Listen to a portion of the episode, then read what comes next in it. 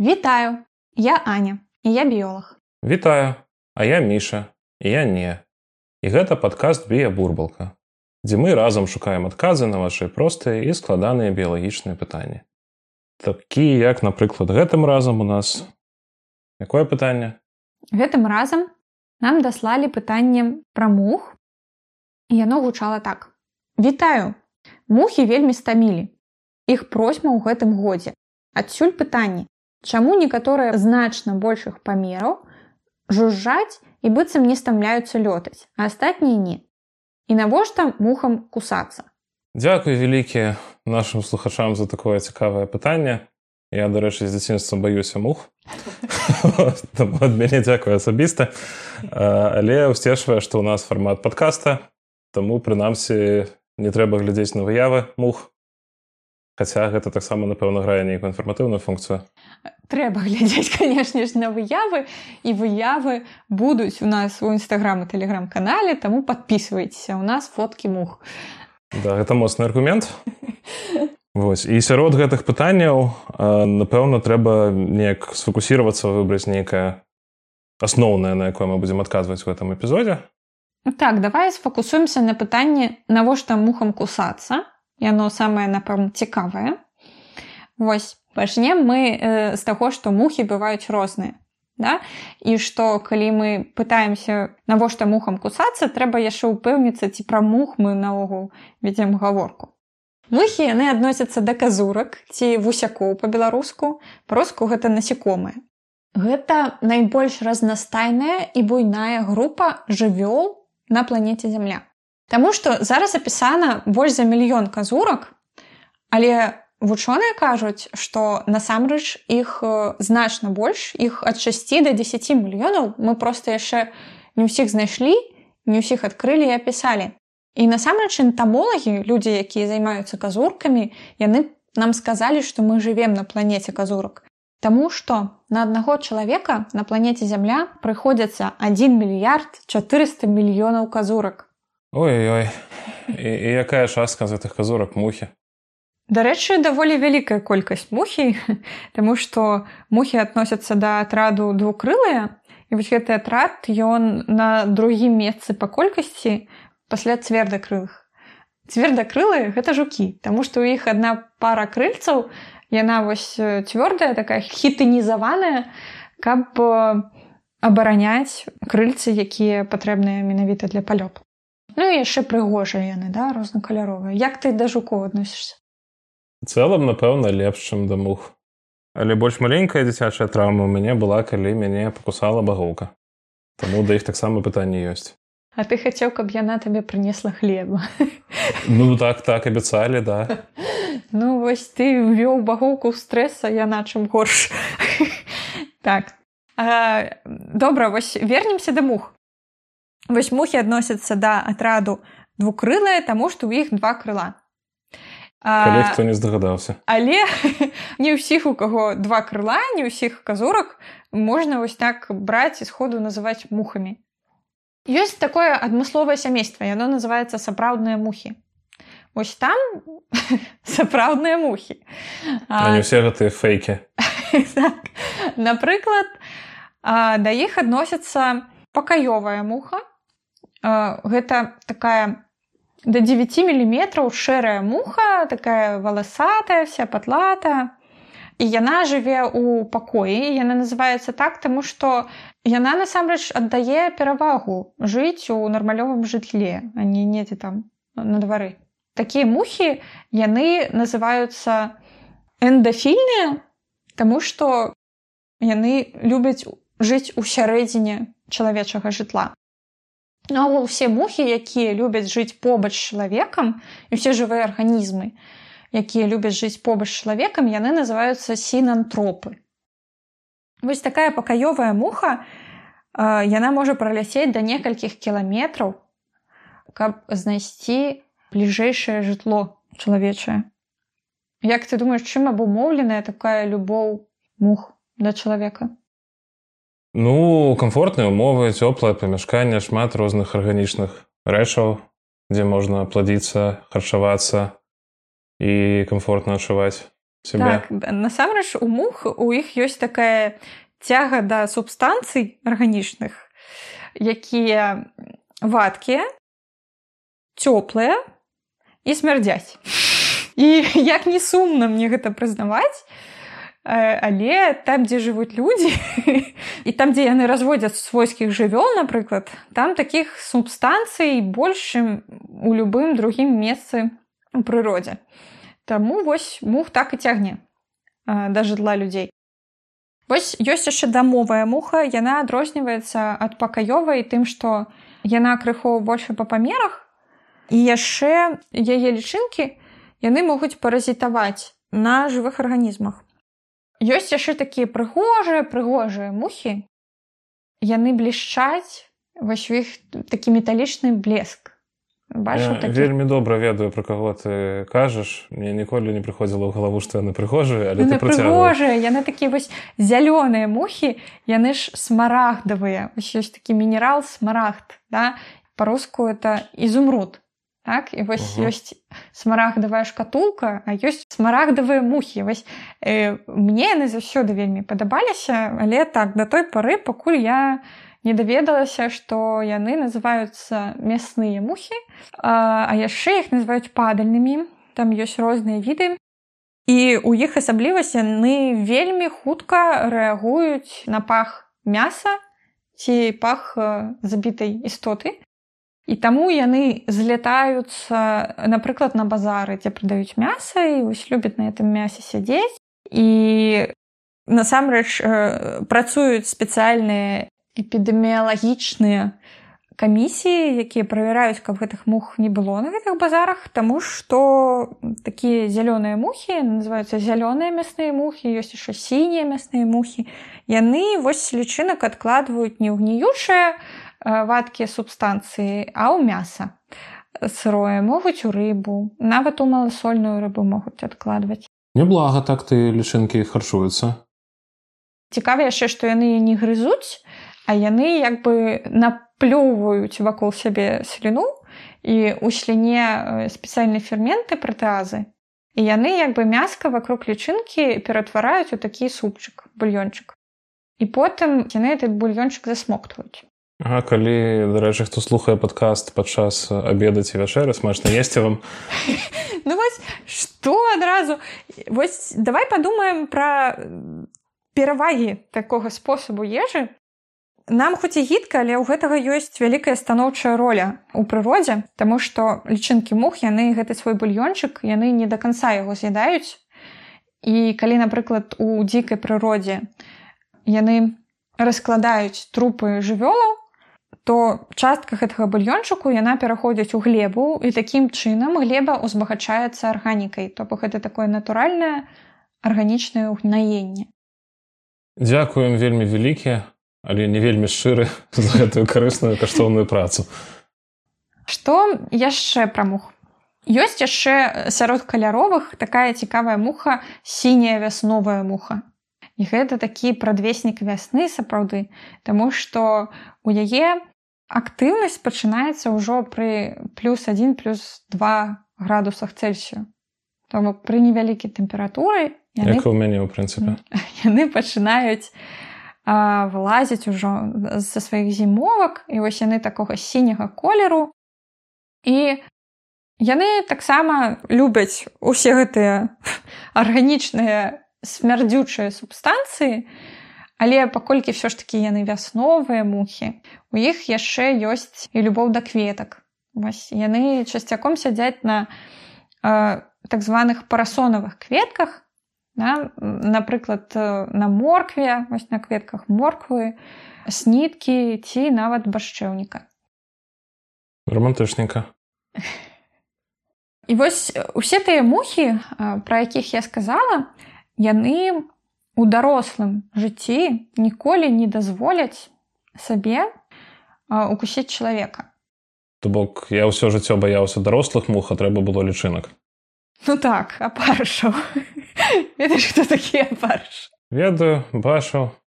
Гэта лічынкі мясной мухі, так, але насамрэч ну я думаю шмат хто ведае што паршаў таксама такая ёсць добрая роля для чалавека яны яму дапамагаюць хадзіць на рыбалку карміць хатніх жывёл там тушак і артылій а яшчэ не ведаю як зараз але раней парашоў выкарыстоўвалі нават у медыцыне.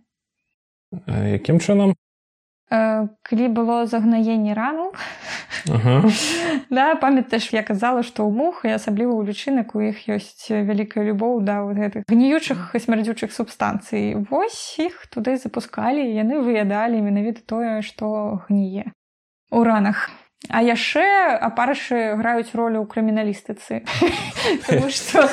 шматбаковыя сапраўдны крыміналіст ён ведае ўсё пра стады развіцця мух і ён можа па вось гэтым стадыям вызначыць калі быў забіты чалавек труп якого ён знайшоў нешта неяк давай перайдзем да дарослых мух.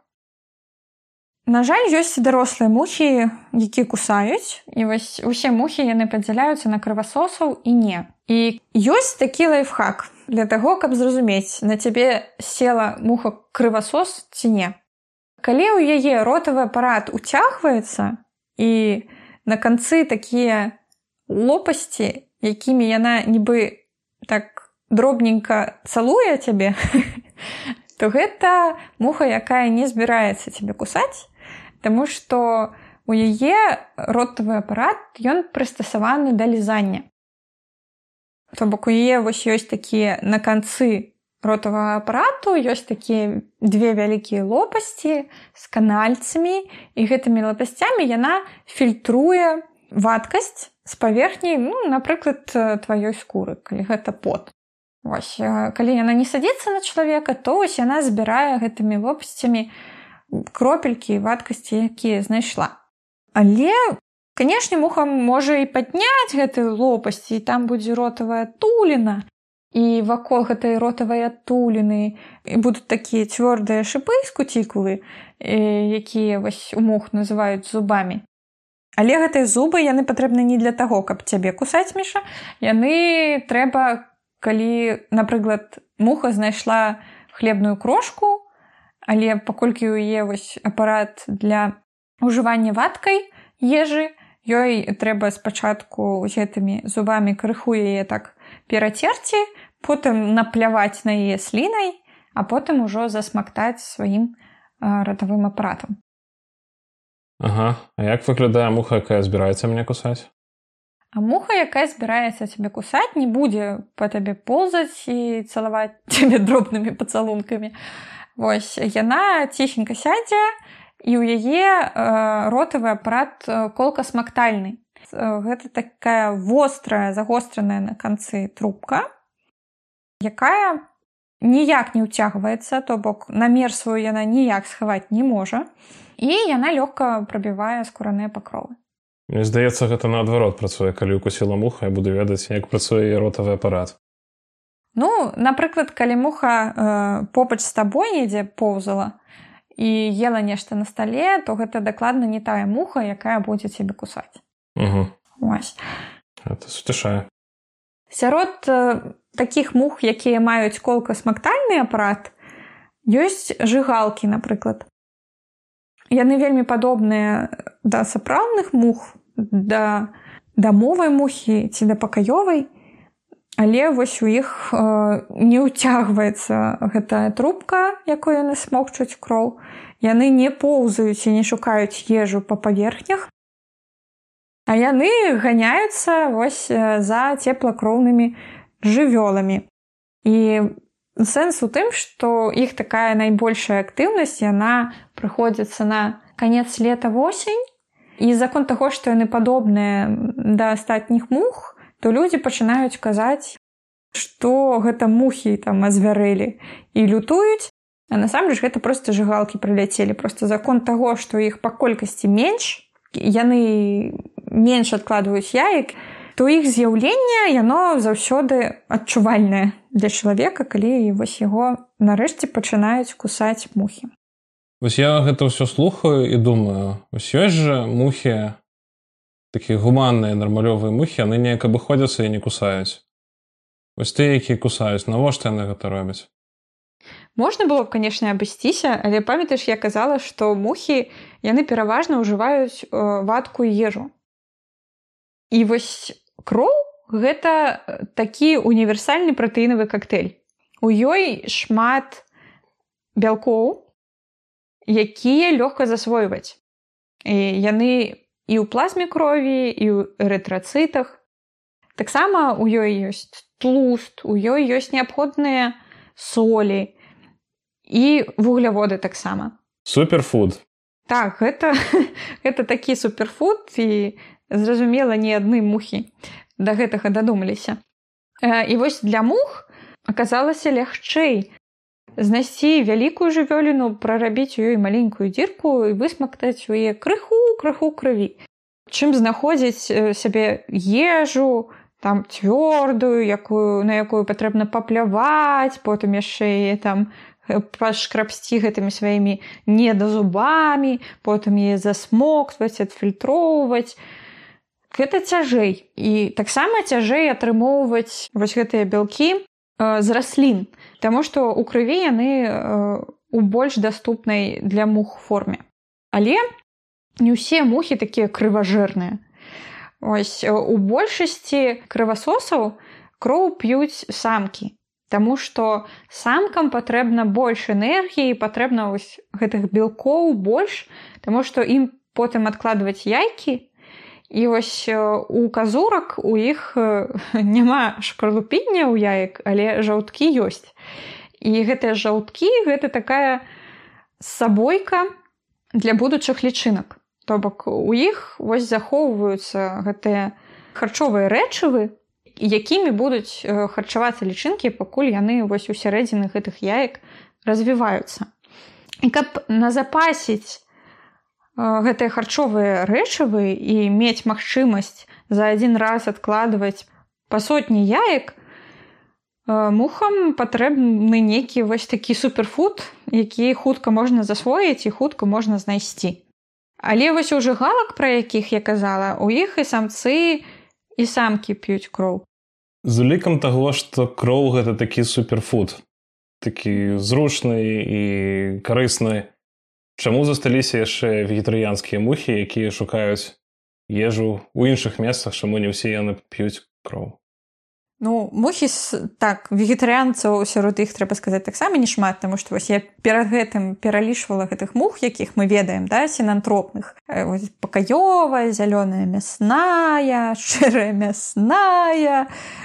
Зразумела да, што не шмат вегетарыянцаў адзінае што яны не смокчуць кроў сапраўды. І ну глядзі сэнс у канкурэнцыі памятаеш мы закраналі тэму канкурэнцыю ўжо калі вось размаўлялі пра птушак але там была канкурэнцыя за увагу супрацьлеглага полу. Тут канкурэнцыя за ежу. Каб мухі усе ели адну і тую ж ежу на ўсіх бы не хапіла. Таму у працэсе эвалюцыі э, атрымалася такая дывергенцыя. Насамрэч на пачатку мухі не пілі кроў. На пачатку кажуць што першы вось ратавы апарат казурак гэта быў грызушы рытавы апарат такі як у конікаў. Напрыклад не тых конікаў якія кабыдык кабыдык а тых конікаў якія па-руску кузнечыкі. да. І у іх быў грызучы ртавы апарат то бок яны адгрызалі кавалкі ежы і потым неяк з ёй там спраўляліся так? А потым атрымалася спецыфікацыя гэтых ртавых апаратаў мы усе ведаем ратавы апарат матылёў што ён такі як э, хобат закручаны так у спіральку і ён прыстасаваны менавіта для таго каб смокваць нектар з э, кветак. А вось у мух таксама атрымалася спецыфікацыя. У некаторых з іх атрымаўся ліжучы ратавы апарат. Бок яны нікаго не кусаюць яны налізваюцца А ў іншых атрымаўся вось такі колка смактальны. апарат яны пракольваюць скуру і смокчуць кроў. А яшчэ колка смактальны апарат ёсць у тых мух якія пракольваюць і расліны і высмокваюць сокі з раслін а ёсць яшчэ казуркі якія пракольваюць іншых казурак і смокчуць сокі з іншых казурак ось то бок это такія драпежныя казуркі Таму вось э, такая вялікая разнастайнасць і ўсё гэта для таго каб ежы розныя ўсім хапіла нехта любіць кроў нехта любіць нектар нехта любіць сокі раслін нехта вось іншых казурак высмактаць і ўсім больш-менш комфортна тады скажи мне вось што вось пакуль я разглядаю які там хабаток у мухі яна паспела мяне укусіць якія могуць быць наступцы для мяне так ну па-першае калі цябе укусіла муха то не трэба панікаваць Таму што трэба глядзець як развіваецца рэакцыя твайго арганізма на укус. Часцей за ўсё гэта будзе просто зуд і прыпухласць. І гэты зуд яго можна зняць, па-першае, апрацаваць месца укусу нейкім антысептыкам, медакі раюць перакіс вадароду, ну ці што ёсць у цябе з сабой, там звычайны санітайзер таксама нічога. Другое ёсць адмысловыя мазі якія здымаюць гэты зуд тому что зуд гэта такая лакальная рэакцыя тваёй імуннай сістэмы на тое что трапіла разам са слінай мухі табе под скуру і часцей за ўсё гэта просто спецыяльныя рэчывы якія робяць кроў больш вадкай каб лепш засмоктваць. І гэта яшчэ анальгетыкі то бок мухі пра цябе клапоцяцца. Просто... спатрэбу так, ну, каб, каб ты не адразу іх забіў яны часцей за ўсё упрыскваюць анальгетыкі таксама так робяць камары вось гэтыя жыгалкі пра якіх я казала у якіх і мужчыны жанчыны п'юць кроў вось яны не ўпрыскваюць вось яны наогул псуюць усю рэпутацыю мужчыную тому што вось яны напрыканцы лета з'яўляюцца пачынаюць усіх жэрці Вось і яшчэ і могуць вызываць такія даволі моцныя рэакцыі імунныя, алергічныя, Таму вось яшчэ медакі раюць, калі ты едзеш на прыроду, мець з сабой антыгістамінныя, то бок прэпараты супраць алергіі. Адзінае, што не трэба імі злоўжываць, але калі ты бачыш, што ну мусіць трэба, то вось трэба. Гэта яшчэ таксама актуальна для дзяцей, таму што у іх гэта імунная рэакцыя можа быць больш моцнай. Але так, на жаль, мухі яшчэ могуць і пераносіць хваробы, Таму што ў іх вантробах жывуць бактэрыі часцей за ўсё, то бок гэта паразіты паразітаў. Мухі вось гэта нашы паразіты, а бактэрыі, якія жывуць у мухах, гэта паразіты мух. І яны гэтых паразітаў набіраюцца ад іншых жывёлу не людзей якіх яны кусаюць. Напрыклад там ад зайцоў ці вось ад хатніх жывёл. І гэтыя бактэрыі яны могуць вызываць даволі цяжкія хваробы. Напрыклад калі была сібірская язва то вось асноўным такім пераносчыкам яе былі менавіта мухі. Але дзякуй богу зараз у нас няма такой э, пагрозы сібірскай язвы што ёсць гэта сепсіс то бок запалення тканак. І ёсць яшчэ такая вось э, цікавая хвароба якая зараз бянтэжыць медыку ў беларусі. Гэта тулерэмія. Называецца так таму што ёсць такое возера тулеры у ЗША. І калісьці там хадзілі каля таго возера медыкі і пабачылі суслікаў. Гэта былі вельмі ўважлівыя медыкі, якія нават праблемамі суслікаў цікавіліся і вось яны пабачылі, што ў суслікаў у іх павялічаныя лімфавузлы вельмі павялічаныя. І гэта называецца бубоны калі вось яны такі вельмі э, павялічныя і ось... чумы так так. Была такая у той час страшная хвароба бубонная чума. І калі яны пабачылі гэтых суслікаў з бубонамі э, яны ўзялі ў іх аналіз. Паглядзець ці не чума гэта.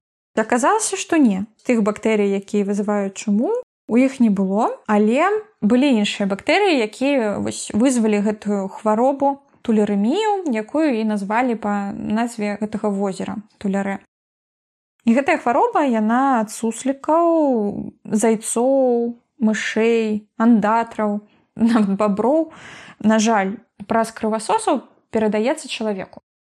Сімптомы гэтай хваробы гэта тое што у цябе знянацку павышаецца тэмпература і, і пры тым што інкубацыйны перыяд ён звычайна 37 сотняў але можа быць і да месяцу. То бок вось цябе ўкусілі а потым знянацку тэмпература 3840 інтаксікацыя слабасць боль у цягліцах галаўны боль. У некаторых кан'юктывіты пачынаюцца лихаманка і вось асноўная такая асаблівасць гэта тое што павялічваюцца вельмі лімфавузлы і не толькі на шыі але і пад пахамі у пахвіне і яны могуць быць скурыная яйка памерам Боже мой І вось так хвароба гэта нелёгкая і калі ў цябе знянацку павялічылася тэмпература ты нават не спрабуй здагадацца што ў цябе і загугліць просто тэлефануй доктару. А калі ў цябе тэмпература 40 ты тэлефануй адразу у хуткую дапамогу. Там з тобой разбяруцца яны вучыліся. І трэба сказаць что так я не доктар да? Тое што я зараз скажу гэта далёка не ўсё што ёсць і трэба не панікаваць загадзя а калі ўсё ж такі здарылася так што ты бачыш што ты захварэў то звяртацца да людзей, якія ведаюць, як цябе лічыць. І думаю, пасля майго аповеду ты наогул у лес ніколі не пойдзеш там дзе да баброў да, да каго-нибудь яшчэ там. Я лепш зоапар да, там таксама ж ну мухі ж яны ўсюды пролетаюць насамрэч не варт так моцна баяцца таму што захворванняў тулерэміі іх не так і шмат у беларусі. І вось у перыяд 98 -го года па верасень 22 я прачытала што было 66 выпадкаў на всю рэспубліку. Гэта сапраўды не шмат таму што значна больш выпадкаў напрыклад лайм барліоза так яго таксама могуць пераносіць мухі але часцей за ўсё яго пераносяць кляшчы і насамрэч на цулерэмію таксама больш часта пераносяць кляшчы і камары Это, конечно, аргумент, каб мне не, не баяцца хадзіць у лес. Ну э, рэпелент выкарыстоўваю рэпелент і ну вось з гэтай толерэміяй, калі так глядзець, то гэта не шмат выпадку, таму што гэта адзін-тры чалавека на 10 тысяч захворваюць. Вось па Еўропе вось такая верагоднасць. Але нешта ў апошнія гады гэтыя адзінкавыя выпадкі яны іх колькасць пачала павялічвацца і вось не толькі ў беларусі па еўропе і таму на гэтую тулерэмію пачалі больш звяртаць увагі. Такое ўжо было і таму ёсць вакцыны ад тулерэміі. І вось не варта грэбаваць вакцынамі асабліва калі баішся мух. Каб жыць спакайней можна вакцынавацца таму што у эфектыўнасць гэтай вакцыны напішуць што яна больш за 90сот дарэчы да таго што павялічваецца колькасць гэтых выпадкаў у нас у пытанні калі ты памятаеш першапачатковым было што вось мух просьма ў гэтым годзе. Ці mm -hmm. сапраўды назіраецца такі тренд што іх колькасць павялічваецца? Назіраецца. Гэты тренд ёсць і гэта з-за змены клімату тому што сярэднегадавыя тэмпературы ў беларусі яны павялічваюцца як па ўсім сусвеце. І вось у нас яны за апошнія 30 гадоў павялічыліся амоль амаль на 8 градусаў цельсія. Гэта вельмі вялікая розніца. А мухі яны цеплалюбівыя жывёлы. Зразумела што калі іх пракіпяціць то яны зварацца але вось тэмпература до 48 градусаў упалне сабе працуе. і і адно і тое ж яйка можа развівацца тыдзень можна развівацца дзень у залежнасці ад таго наколькі вялікая тэмпература Таму вось з гэтым змяненнем клімату мух становіцца больш яшчэ для мух важная вада яны калі лічынкі яны развіваюцца ў вільготных месцах але потым у такой перад кукальнай стадыі яны перапаўзаюць у месцы дзе менш вады тому что калі яны будуць кукалкай яны могуць задыхнуцца з-за таго што вода побач Таму вось напрыклад гэтым летам былі доўгія перыяды калі не было дажджоў і мух з'явілася больш тому что звычайна у гэтыя перыяды дажджы і ўжо кукалкі не развіваюцца. А тут атрымалася, што для іх такія спрыяльныя ўмовы. Такім чынам клімат працягвае змяняцца, Беларусь становіцца ўсё больш цёплай краінай ці пагражае нам, што прыляціць нейкая муха ЦЦ. Пакуль што не, пакуль што ўсё не так драматычна змяняецца, каб з Афрыкі да нас паляцелі. А яшчэ нават калі і нехта прыляціць на самалёце, таму што мухі яны ж вандруюць з людзьмі на самалётах у аўтобусах это таксама такая цікавостка іх распаўсюджвання па свеце.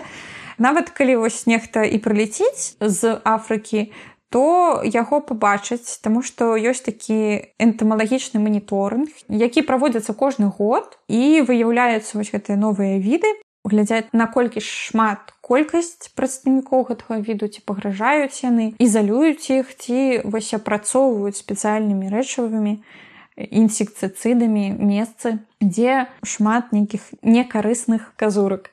Але новыя віды ўсё ж таки прылетаюць ось зараз нарабілі крыку практыроў гэта такія вялікія драпежныя мухі з вялікімі вачыма. Выразнымі выразнымі вельмі. І яны могуць быць да 5 сантыметраў а ў тропіках да 8 сантыметраў даўжынёй. І калі ў беларусі знайшлі такога ктыра але ён быў мне падаецца полтора сантыметры даўжынёй. Не такі ўжо і вялікі але ўсё роўна для беларускіх мог великаваты нарабілі крыку. Аказалася што вось гэта від драпежных мушак у якога настолькі атрутная сліна што ён без праблем палюе на воз пчол і шмялёў. Але не варта так ужо баяцца ктыроў тому што па-першае яны заўсёды былі на беларусі. Просто гэты ктыр дыядэма гэта новы ктыр да нас прыляцеў. Вось ты хоць раз бачыў ктыра Ну яго мне не прадстаўлялі, таму я не ведаю дакладна. Ну, я думаю, каб ты пабачыў, ты б нарабіў крыку так, каб вось... пазнаў выразныя вочы. просто вось тут працаўнік акадэміі навук вымушаны быў расказваць усім сМ беларускім пра тое, хто гэта быў настолькі ён усіх уразіў. Я думаю, што ты таксама запомніў. Таму не варта баяцца іх не так шмат і яны не нападаюць на людзей і ў іх нават ёсць добрая для людзей функцыя тому что яны ж драпежнікі так яны палююць на іншых казурак яны могуць забіваць казурак якія шкодныя для сельскай гаспадаркі пладовых мух тых жа воз якія таксама ўсіх ужо дасталі ну сцешвае што прынамсі ад ктыроў ёсць нейкая відавочная карысць не зусім зразумела што з карысцю ад іншых всякихх гэтых мух. Ну вось глядзі шмат каму не зразумела і насамрэч я думаю што гэта так з-за палітыкі якая праводзіцца. Таму што вось я нават зайшла ну выпадкова калі шукала што там з мухамі ў беларусі якія хваробы пераносяць на сайт які называется уп цэнтр прафілактычнай дезінфекцыі. У мінску і там была фраза якая мяне просто забіла. Таму што там было напісана што спакон вякоў чалавецтва вядзе змаганне з гэтымі казуркамі карыстаючыся разнастайнымі механічнымі біялагічнымі і хімічнымі сродкамі вынішчэння. А пра карысць просто ні слова Я разумею, чаму эпідэміёлагі медыкі яны не любяць мух, Таму што у іх ёсць асаблівасць. Яны неабыякавыя да усялякіх угнаенняў, экскрэментаў, усяго, што пахне, яны папоўзалі па іх, потым папоўзалі ў нас па стале, потым па нашай ежы, па наш саміх. У іх ўсё цела ў дробненькіх такіх валосіках, і за гэтыя валосікі чапляюцца бактэрыі. Бактэрыі жывуць у іх вантробах а мухі какаюць по 50 разоў у сотні. І вось там дзе позу там і какаюць. І яшчэ вось мухі якія не кусаюцца яны ўсё роўна шмат ядуць і вось яны сядуць там на наш яблык яны не сядзяць на адным месцы яны апоўзаюць увесь гэты яблык і ўсе свае бактэрыі са сваіх лапак перанясуць на гэты яблык. І былі такія даследаванні кажуць што мухі спрабуюць есці нават тады калі адчуваюць насычэнне то бок калі яны ўжо наеліся. Але трэба таксама зразумець што ў нашай прыродзе у ёй ёсць дынамічная раўнавага. І любая жывая істота якая зараз існуе у прыродзе і выжывае яна ўплывае на гэтую дынамічную раўнавагу і поўнае вынішчэнне любых жывых істот любого віду. Яно абавязкова гэтую раўнавагу парушае і вядзе да сумных наступстваў То бок ты хочаш сказаць, што калі б зніклі ўсе мухі ў свеце, гэта быў бы не ідэальны свет. Ну далёка не ідэальны. У дзікай прыродзе усе тыя мухі, якія зараз сінантропы, то бок жывуць каля людзей і на іх смецці і вось усім, што пасля людзей застаецца харчуюцца у дзікай прыродзе. Яны харчуюцца на мёртвай арганікі. То бок вось, калі мухі зніклі, мы пабачылі усе трупы дзікіх жывёл. Мы пабачылі значна больш гною вакол сябе і гэта б все не знікала глеба яна была ненасычаная арганічнымі э, рэчывамі на ёй бы нічога не расло тому что мухі яны уплываюць на то каб арганічныя рэчывы пераходзілі ў глебу калі б зніклі мухі зніклі птушкі якімі харчуюцца. Не было пра каго рабіць папярэдні выпуск. Так потым ёсць мухі якія апыляюць расліны. Вось мы ўсё пчолы пчолы насамрэч на другім месцы мухі. А толькі на трэцім матылькі якіх мы так усе любім. Мухі другія апыляльнікі ў свеце калі не апыляць расліны не будзе насення не будзе гародніны. І уже не кажучы пра тое што мы выкарыстоўваем муху гаспадарцы вось апарышы тыя ж яшчэ ў навуцы выкарыстоўваем. Каб не дразофіла не была б я генетыкам. І пра крыміналістыку я казала. Ёсць нават цэлая галіна энтамалогіі навукі пра казурак называется судебная энтамалогія. Карацей калі карысць невідавочная гэта яшчэ не значыць што яе няма.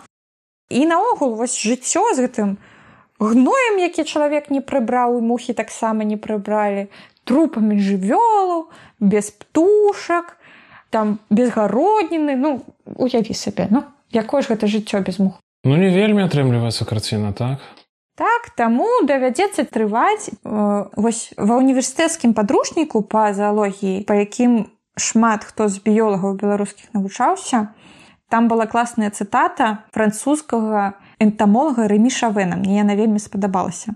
Яна гучала так: Казуркі шкодныя чалавеку толькі да той пары, пакуль ён не выкарыстоўвае іх у якасці памочнікаў і адмаўляецца ўжываць сілу свайго розуму для пераадолення выпрабаванняў, што паўстаюць за конт іх існавання. Ты ведаеш, мне падаецца, што гэта вучыць як мараль. Так, я ж чаго знайшла цытату это і ёсць мараль ну тады дзякуй всем хто слухаў дзякуй что даслухали до конца. Подписывайтеся наш нстаграм и телеграм. Я уже сказала там будуць мухі але акрамя мух. Там я спадзяюся выкладу шмат цікавай дадатковай інфармацыі таксама там можна задаваць свае пытанні. Можна удакладняць моманты якія былі незразумелыя. Тады да пабачэння. Да пабачэння.